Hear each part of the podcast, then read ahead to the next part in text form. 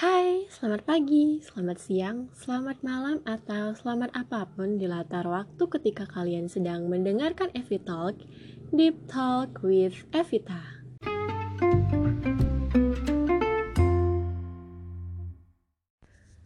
Podcast kali ini diudarakan di tanggal 31 Desember tahun 2019. So guys, apa kabar?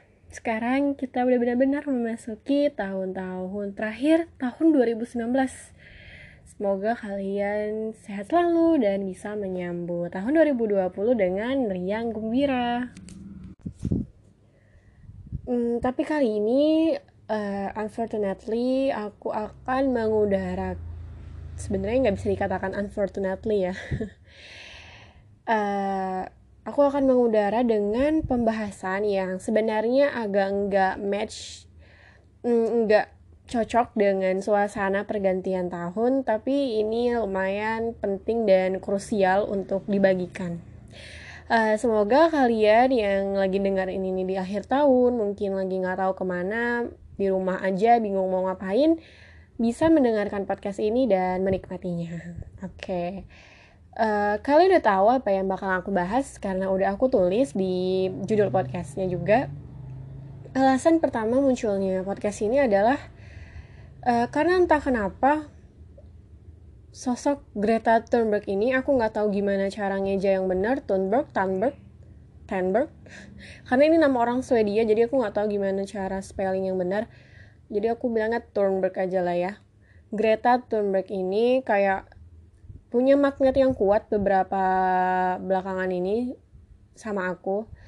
Aku udah pernah dengar nama Greta sebelumnya di lini masa sosial media aku di YouTube, di Instagram, di Line Today juga ada dan kayak entah gimana terus menerus algoritma sosial media aku memunculkan berita mengenai Greta Thunberg awalnya aku cuma sekedar tahu gitu-gitu aja siapa Greta Thunberg ini tapi lama kelamaan kayak apa ya kayak ada dorongan atau kayak ada kode alam gitu untuk membuat aku mencari tahu lebih luas, lebih dalam dan lebih detail lagi mengenai siapa Greta Thunberg ini.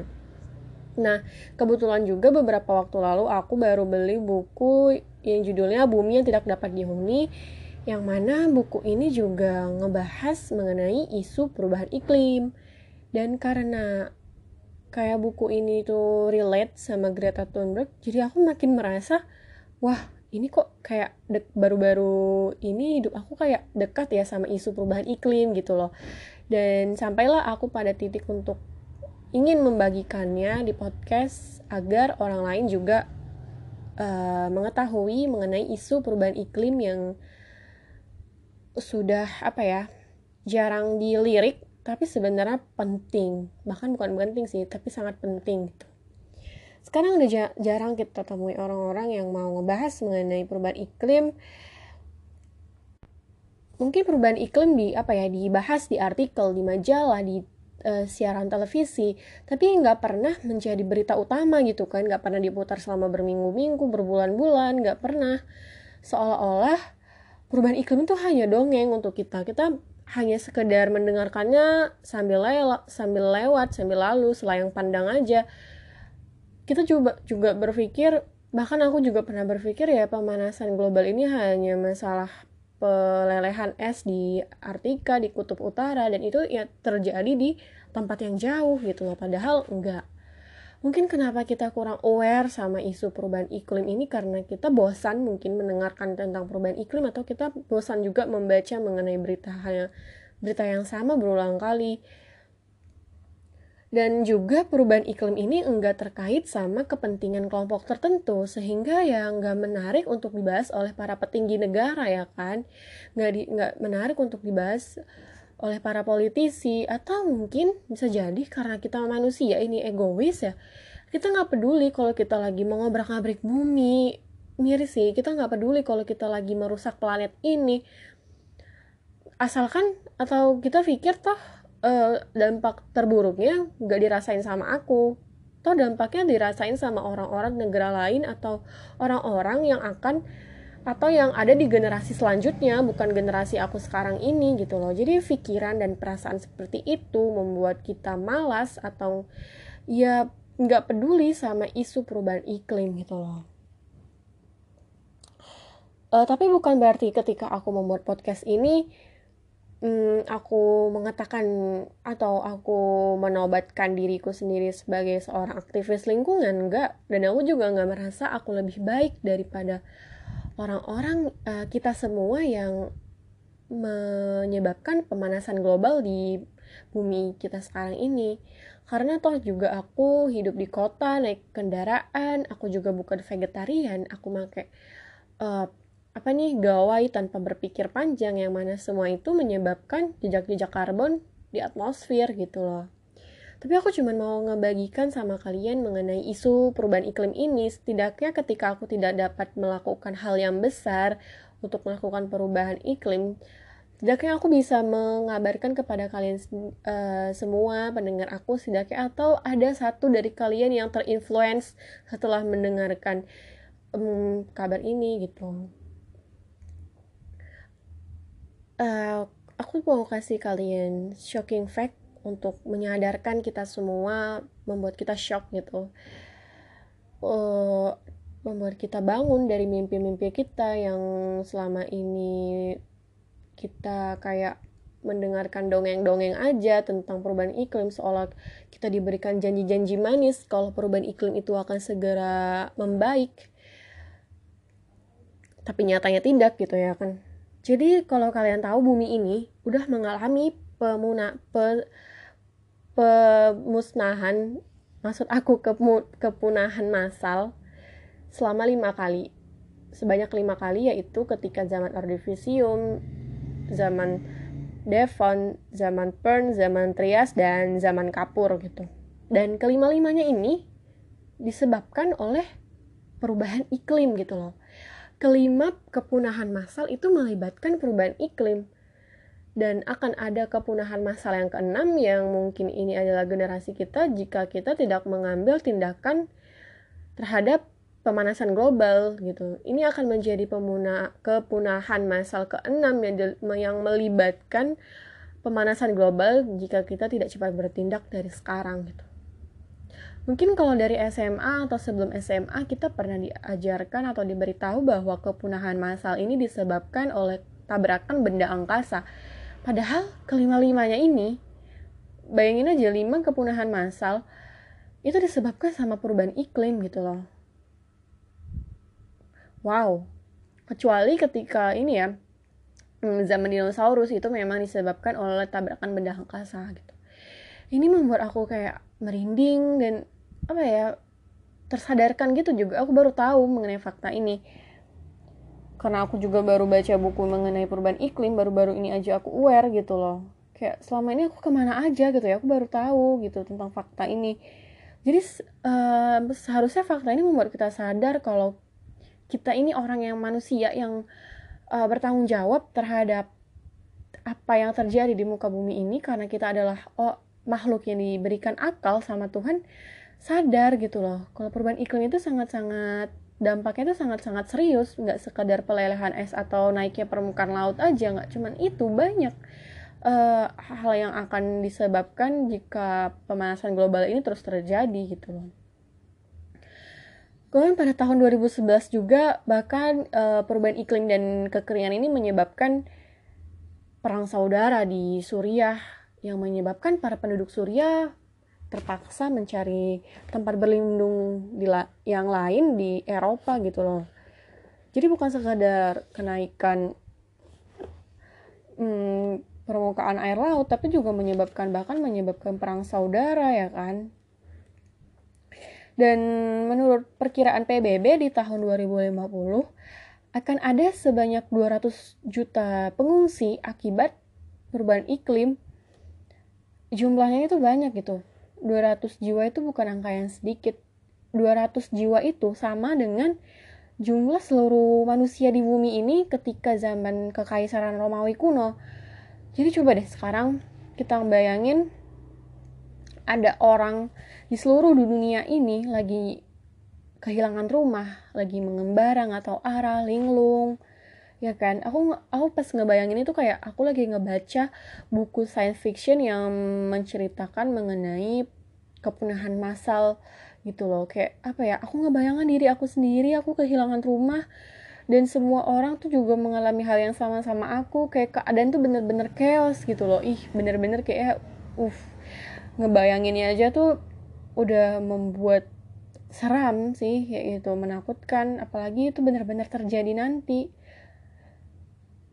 dan yang paling akan merasakan penderitaannya itu ya adalah orang-orang yang kurang mampu pastinya.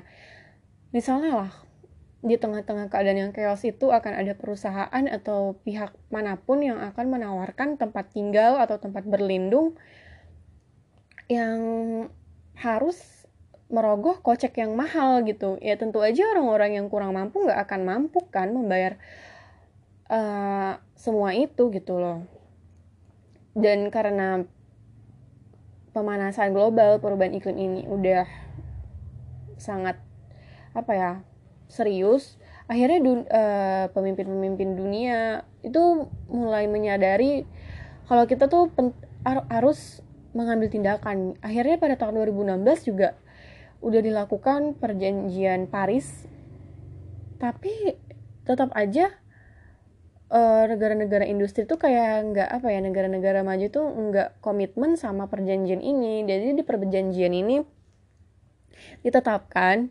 bahwasanya angka 2 derajat itu sebagai ambang batas kenaikan suhu bumi.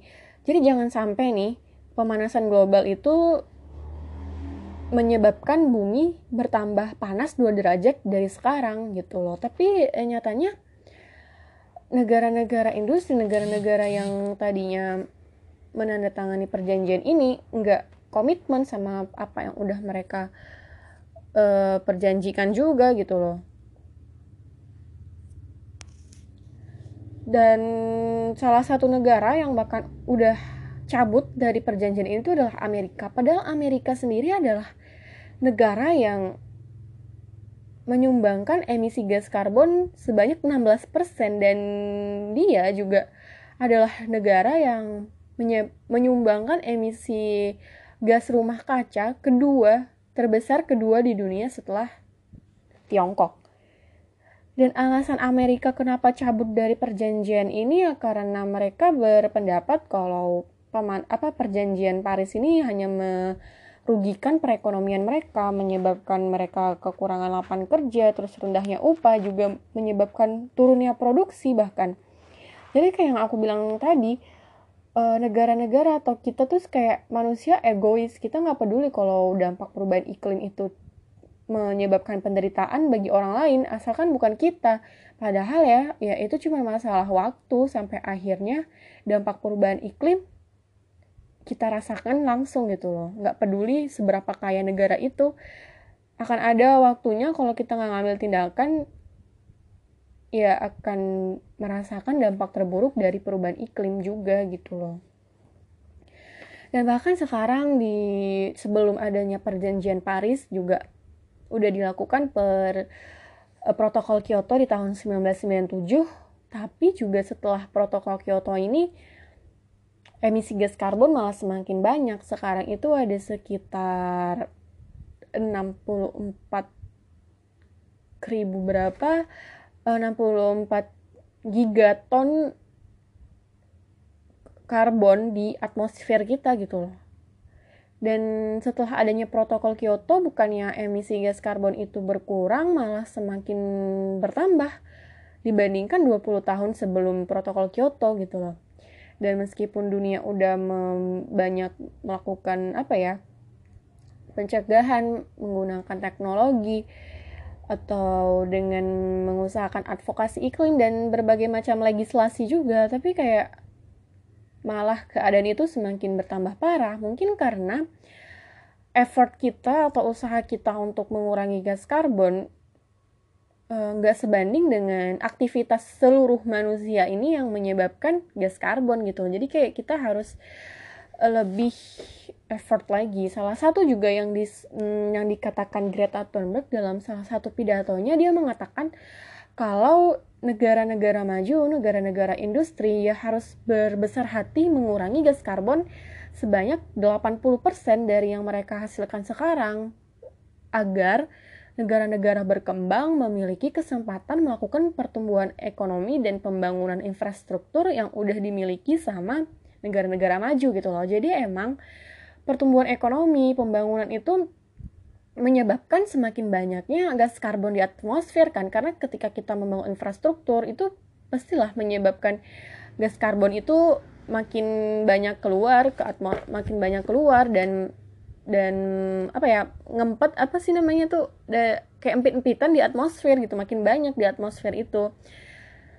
Jadi karena negara maju kan udah apa ya per, ekonominya udah baik infrastrukturnya juga udah lengkap kayak fasilitas-fasilitas mereka. Jadi setidaknya mereka tuh haruslah berbesar hati memberikan kesempatan untuk negara-negara berkembang membangun negara mereka gitu loh. Bagaimana sebuah negara berkembang akan memperdulikan perubahan iklim ketika mereka masih di apa ya direpotkan dengan ekonomi mereka gitu loh. Jadi ya negara maju lah yang sedikit harus berkorban gitu kata Greta Thunberg ya.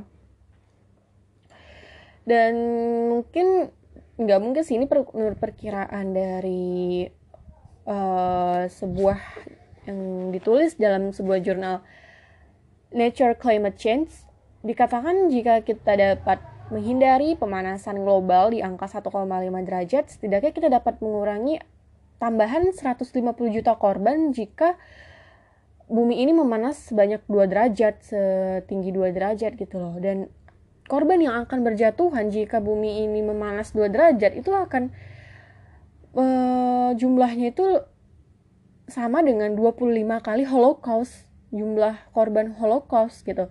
Dan akan lebih banyak dibandingkan dengan jumlah korban yang jatuh di Perang Dunia Kedua di mana Perang Dunia Kedua ini diketahui sebagai peristiwa yang menyebabkan jatuhnya korban paling banyak sepanjang sejarah. Wow, gila sih. Banyak sih yang akan disebabkan oleh perubahan uh, pemanasan global ini, misalnya kelaparan, banjir, kenaikan permukaan air laut, kekeringan, kurangnya makanan. Wah, banyak sih. Aku kayaknya nggak bakal sempat bakal lama banget sih kalau misalnya aku menguraikan semua dampak-dampak ini. Oke kalian bisa membaca buku yang aku baca sebagai referensi ini adalah judulnya itu yang bumi yang tak dapat dihuni karya David Wells Wells di sini banyak banget unsur-unsur kekacauan yang akan disebabkan oleh perubahan iklim gitu loh ada panas maut udara yang nggak bakal disirp terus ya udara yang nggak bakal dihirup bisa hirup terus wabah akibat pemanasan, ambruknya ekonomi bahkan wow gitu kan. Dan apa ya, angka-angka ini, fakta-fakta ini ya membuat kita harus menyadari lah. Kita jangan egois. Kalaupun bukan kita yang ngerasakan nanti anak-anak cucu kita tuh akan merasakannya gitu loh dan juga sebenarnya di salah satu pidatonya Greta Thunberg, dia sendiri mengatakan hmm, kalimat seperti ini. Nanti di tahun 2070 jika saya memang memiliki usia yang panjang, mungkin saya sudah memiliki anak. Dan nanti mungkin anak saya akan bertanya kepada saya, kenapa kalian ketika di tahun 2018 tidak melakukan apa pun ketika semuanya itu masih mungkin dicegah. Jadi kenapa kalian tidak mencegah semakin parahnya pemanasan global ini ketika kalian masih memiliki kesempatan? Dan ketika aku mendengar pidato Greta seperti itu, aku kayak iya ya, mungkin aja nanti di masa depan ketika aku udah punya anak cucu, aku kepikiran kalau anak aku nanti bertanya seperti itu ke aku gitu loh. Kayak apa yang bisa aku jawab nanti ke mereka kalau mereka bertanya seperti itu gitu loh. Oleh karena itu juga aku salut dan minder sedikit minder sih sama sosok Greta Thunberg ini. Karena di umurnya yang masih 16 tahun tapi dia udah berani speak up mengenai perubahan iklim dan itu bukan apa ya isu yang cuman remeh-temeh gitu loh. Dia kayak uh, isu yang bener-bener besar gitu. Dan dia berani speak up dan berani melawan pemimpin-pemimpin dunia. Dan dia benar-benar menaruh perhatian yang serius sama perubahan iklim ini di mana pada umumnya kita tahu ya kan anak perempuan seusia dia itu masih disibukkan dengan masalah perbucinan atau ya hal make up, skincare dan lain sebagainya. Jadi siapa sih sebenarnya Greta Thunberg ini sampai dia bisa menginspirasi dunia gitu loh. Jadi Greta Thunberg adalah gadis berusia 16 tahun asal Swedia yang mulai menjadi sensasi dunia ketika dia memulai pemogokan sekolah pertamanya untuk iklim di luar gedung parlemen Swedia.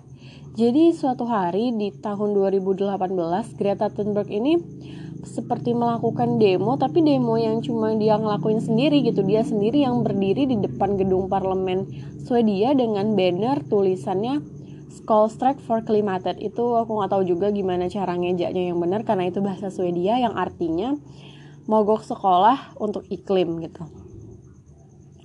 Jadi karena hal kecil itu lama kelamaan dia kan ini demo itu setiap hari dia kayak enggak setiap hari sih tapi dia ada hari tertentu satu hari tertentu yang di mana dia bolos sekolah dan dia cuma berdiri di depan gedung parlemen Swedia dengan banner tulisan Skull Strike for Climate. Nah, lama kelamaan media itu mulai menyorotinya dan dia lama-lama menjadi sensasi dan inspirasi dunia dalam pergerakan aktivisme perubahan iklim lainnya gitu. Tapi apa sih sebenarnya yang menginspirasi seorang Greta, seorang usia uh, seorang gadis berusia 16 tahun yang um, melakukan protes macam itu gitu loh. Jadi sebenarnya kata Greta di dalam pengakuannya di pengakuannya dalam beberapa acara yang dia hadiri juga dia mengatakan kalau dia udah mulai aware sama perubahan iklim itu di usianya yang 8 tahun. Wow. Aku nginget kalau usia aku 8 tahun aku ngapain ya? dan dia itu udah aware sama isu perubahan iklim ketika dia usia 8 tahun.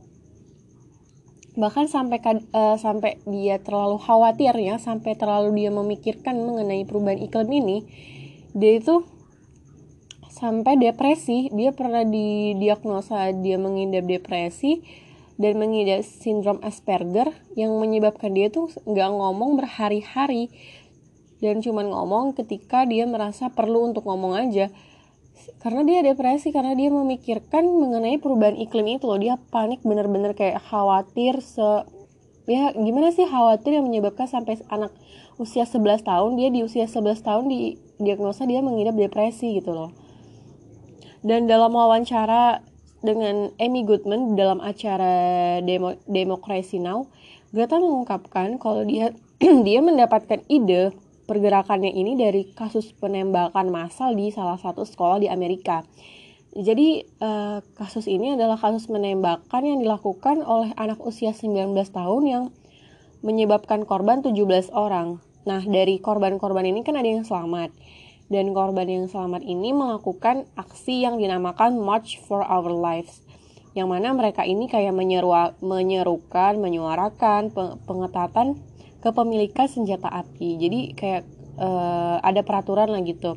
Siapa-siapa aja yang memiliki yang boleh memiliki senjata api dan itu um, mereka meminta untuk lebih diketatkan lagi peraturan mengenai itu. Nah, dari pergerakan ini, dari march yang dilakukan para korban ini, si Greta ini terinspirasi. Makanya itulah dia punya pikiran, punya ide untuk melakukan uh, kayak mogok sekolah gitu di depan luar gedung parlemen Swedia.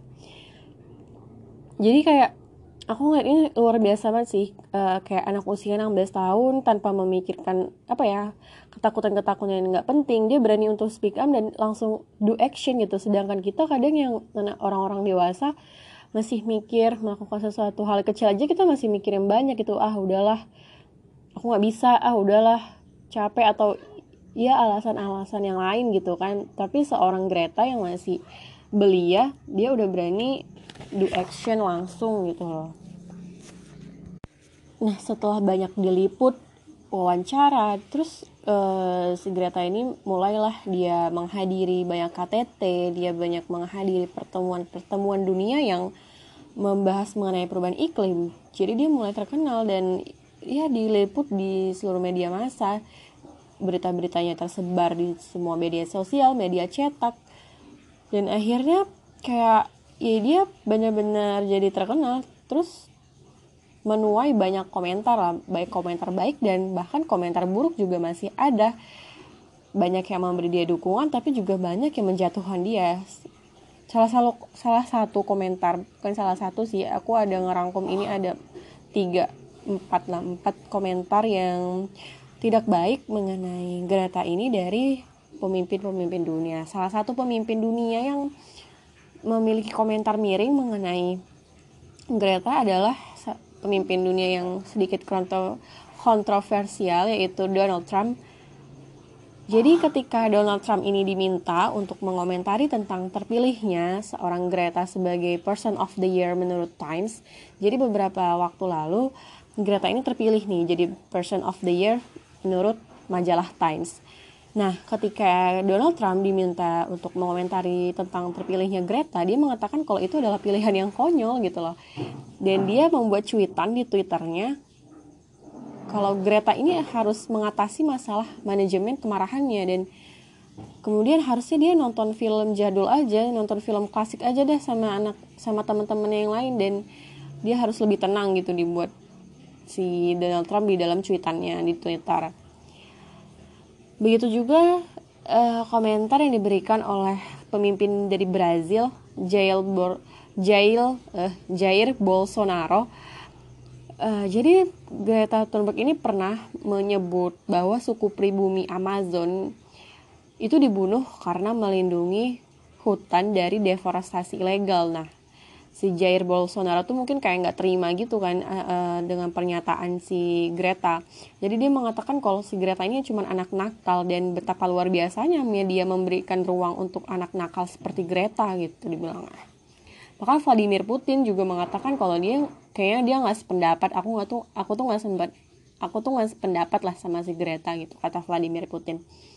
Gitu juga dengan pemimpin Australia ketika Greta Thunberg mengomentari tentang banyaknya kejadian kebakaran di Australia. Pemimpin Australia mengatakan kalau dia hanya melakukan yang terbaik untuk negaranya dan dia tidak memiliki kepentingan untuk apa ya memberikan respon terhadap kata-kata yang bukan datang dari warga negaranya. Dia hanya melakukan yang terbaik untuk Australia dan dia ingin Australia menjadi negara yang nomor satu gitu kata kata pemimpin Australia ini bahkan juga bukan hanya dari pemimpin-pemimpin pemimpin dunia banyak juga dari netizen. Bahkan ada ancaman pembunuhan yang diterima oleh Greta dan keluarganya pembulian di sosial media. Kayak aku nggak habis pikir gitu sih orang-orang uh, kayak mengancam dia membunuh. Kayak berlebihan sekali gitu loh bahkan kalau misalnya mereka membuli Greta itu pun menurut aku kayak nggak masuk akal gitu sih. Setidaknya kalau ya kita nggak bisa melakukan hal yang positif ya kita jangan merendahkan orang itu gitu loh. Dan aku iseng-iseng kemarin buka Line Today mengenai beritanya si Greta Thunberg dan aku baca komentar dari orang-orang Indonesia ada juga sih yang komentar baik mengapresiasi apa yang udah dilakukan Greta tapi ada juga yang komentarnya buruk. Bahkan mengatakan kayak Greta ini tuh cuman omongan doang. Dia tuh nggak memiliki kerja yang nyata nggak punya visi misi. Dia cuma ya model ngomong aja gitu loh. Padahal ya menurut aku nih uh, anak seusia Greta dia masih 16 tahun. Dan apa sih yang bisa dilakukan hal luar biasa lainnya yang bisa di, dilakukan oleh seorang Greta ini selain dari hal yang dia lakukan sekarang ini aja menurut aku udah luar biasa gitu loh. Dia berani do action berani speak up dan menjadi inspirasi anak-anak lainnya di dunia gitu loh. Karena perubahan iklim ini kayak butuh maksudnya mengatasi isu perubahan iklim ini kayak butuh kita mengubah aturan kita butuh soal uh, perpanjangan tangan atau apa ya? Gimana sih ngatakannya kita butuh seorang politisi maksudnya uh, yang melakukan ini gitu loh. Karena nggak bisa orang biasa melakukan perubahan besar kecuali dilakukan secara bersama-sama. Tapi kalau misalnya seorang politisi yang melakukannya ketika mereka mengatakan kita harus seperti ini, pasti orang-orang biasa akan mengikutinya karena memang biasanya seperti itu. Orang-orang biasa itu mengikuti pemimpin-pemimpinnya gitu kan. Seorang warga negara pasti akan mengikuti para pemimpinnya apalagi jika itu memang baik dan demi kepentingan umat manusia sedunia gitu loh. Jadi ya kita butuh seorang politisi untuk mengubah peraturan dan seorang Greta ini udah bagus. Dia berani speak up dia berani melawan pemimpin dunia dia berani bicara di depan para pemimpin dunia gitu loh. Di di perkumpulan-perkumpulan yang tingkat dunia tingkat tinggi gitu kan. Dan menurut aku juga seorang Greta ini dia nggak cuman omdo sih. Karena apa? Karena dia udah melakukan perubahan yang dia mulai dari keluarganya sendiri yang mana ya eh, bahkan seorang bapak ibunya itu bukan seorang aktivis gitu. Bapak ibunya itu bisa dikatakan adalah artis bapaknya artis dan ibunya itu adalah seorang penyanyi opera. Biasanya kan uh, penyanyi opera atau artis itu kan biasanya hidupnya glamour tapi uh, Greta ini berhasil mengajak kedua orang tuanya dan adiknya dan keluar satu keluarga gitulah kan untuk hidup ramah lingkungan. Mereka vegetarian terus mereka kalau naik kendaraan itu kendaraan listrik kalau misalnya Greta itu pergi ke menghadiri pertemuan-pertemuan dunia dia nggak dia menolak untuk naik pesawat. Karena naik pesawat itu bisa meninggalkan jejak karbon di atmosfer. Dia memilih untuk naik yacht kayak kapal layar gitu yang menggunakan tenaga surya. Dia juga kadang naik kereta api. Jadi menurut aku apa yang dia lakukan juga udah me, apa ya mm, tindakan yang ramah lingkungan tapi sebenarnya kita nggak cukup uh, jika hanya satu orang atau hanya beberapa ribu orang yang melakukan itu. Kita butuh semua orang seluruh orang di dunia ini untuk melakukan perubahan gitu loh. Makanya Greta ini menuntut pemimpin pemimpin dunia untuk melakukan tindakan gitu. Jadi kalau misalnya dibandingkan sama kita ya kita lebih omdo lagi sih. Apalagi orang-orang yang menghujat di sosial media gitu. Dan sebenarnya Greta juga dia bilang kita tuh nggak butuh solusi karena solusinya sebenarnya udah ada di depan mata kita. Solusinya itu udah ditemukan puluhan tahun oleh seorang oleh para ilmuwan.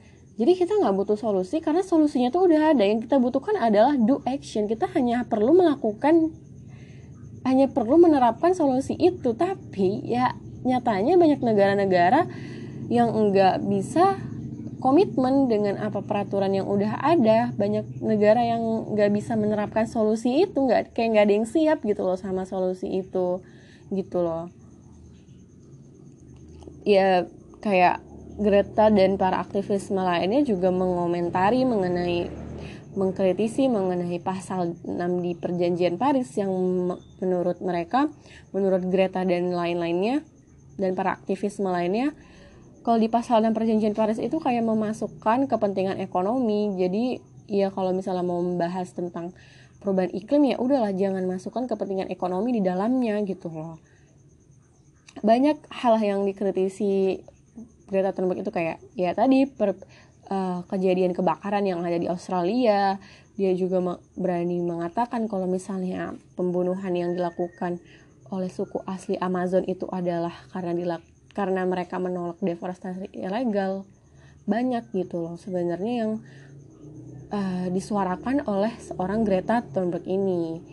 Dan dia berharap pemimpin-pemimpin pemimpin-pemimpin dunia itu mendengarkan dia dan anak-anak lainnya yang ada di dunia mengenai isu perubahan iklim. Dia juga ya menuntut pemimpin negaranya sendiri pemimpin Swedia untuk mengurangi jejak karbon karena pada saat pada tahun 2018 itu Swedia itu mengalami musim panas terburuknya.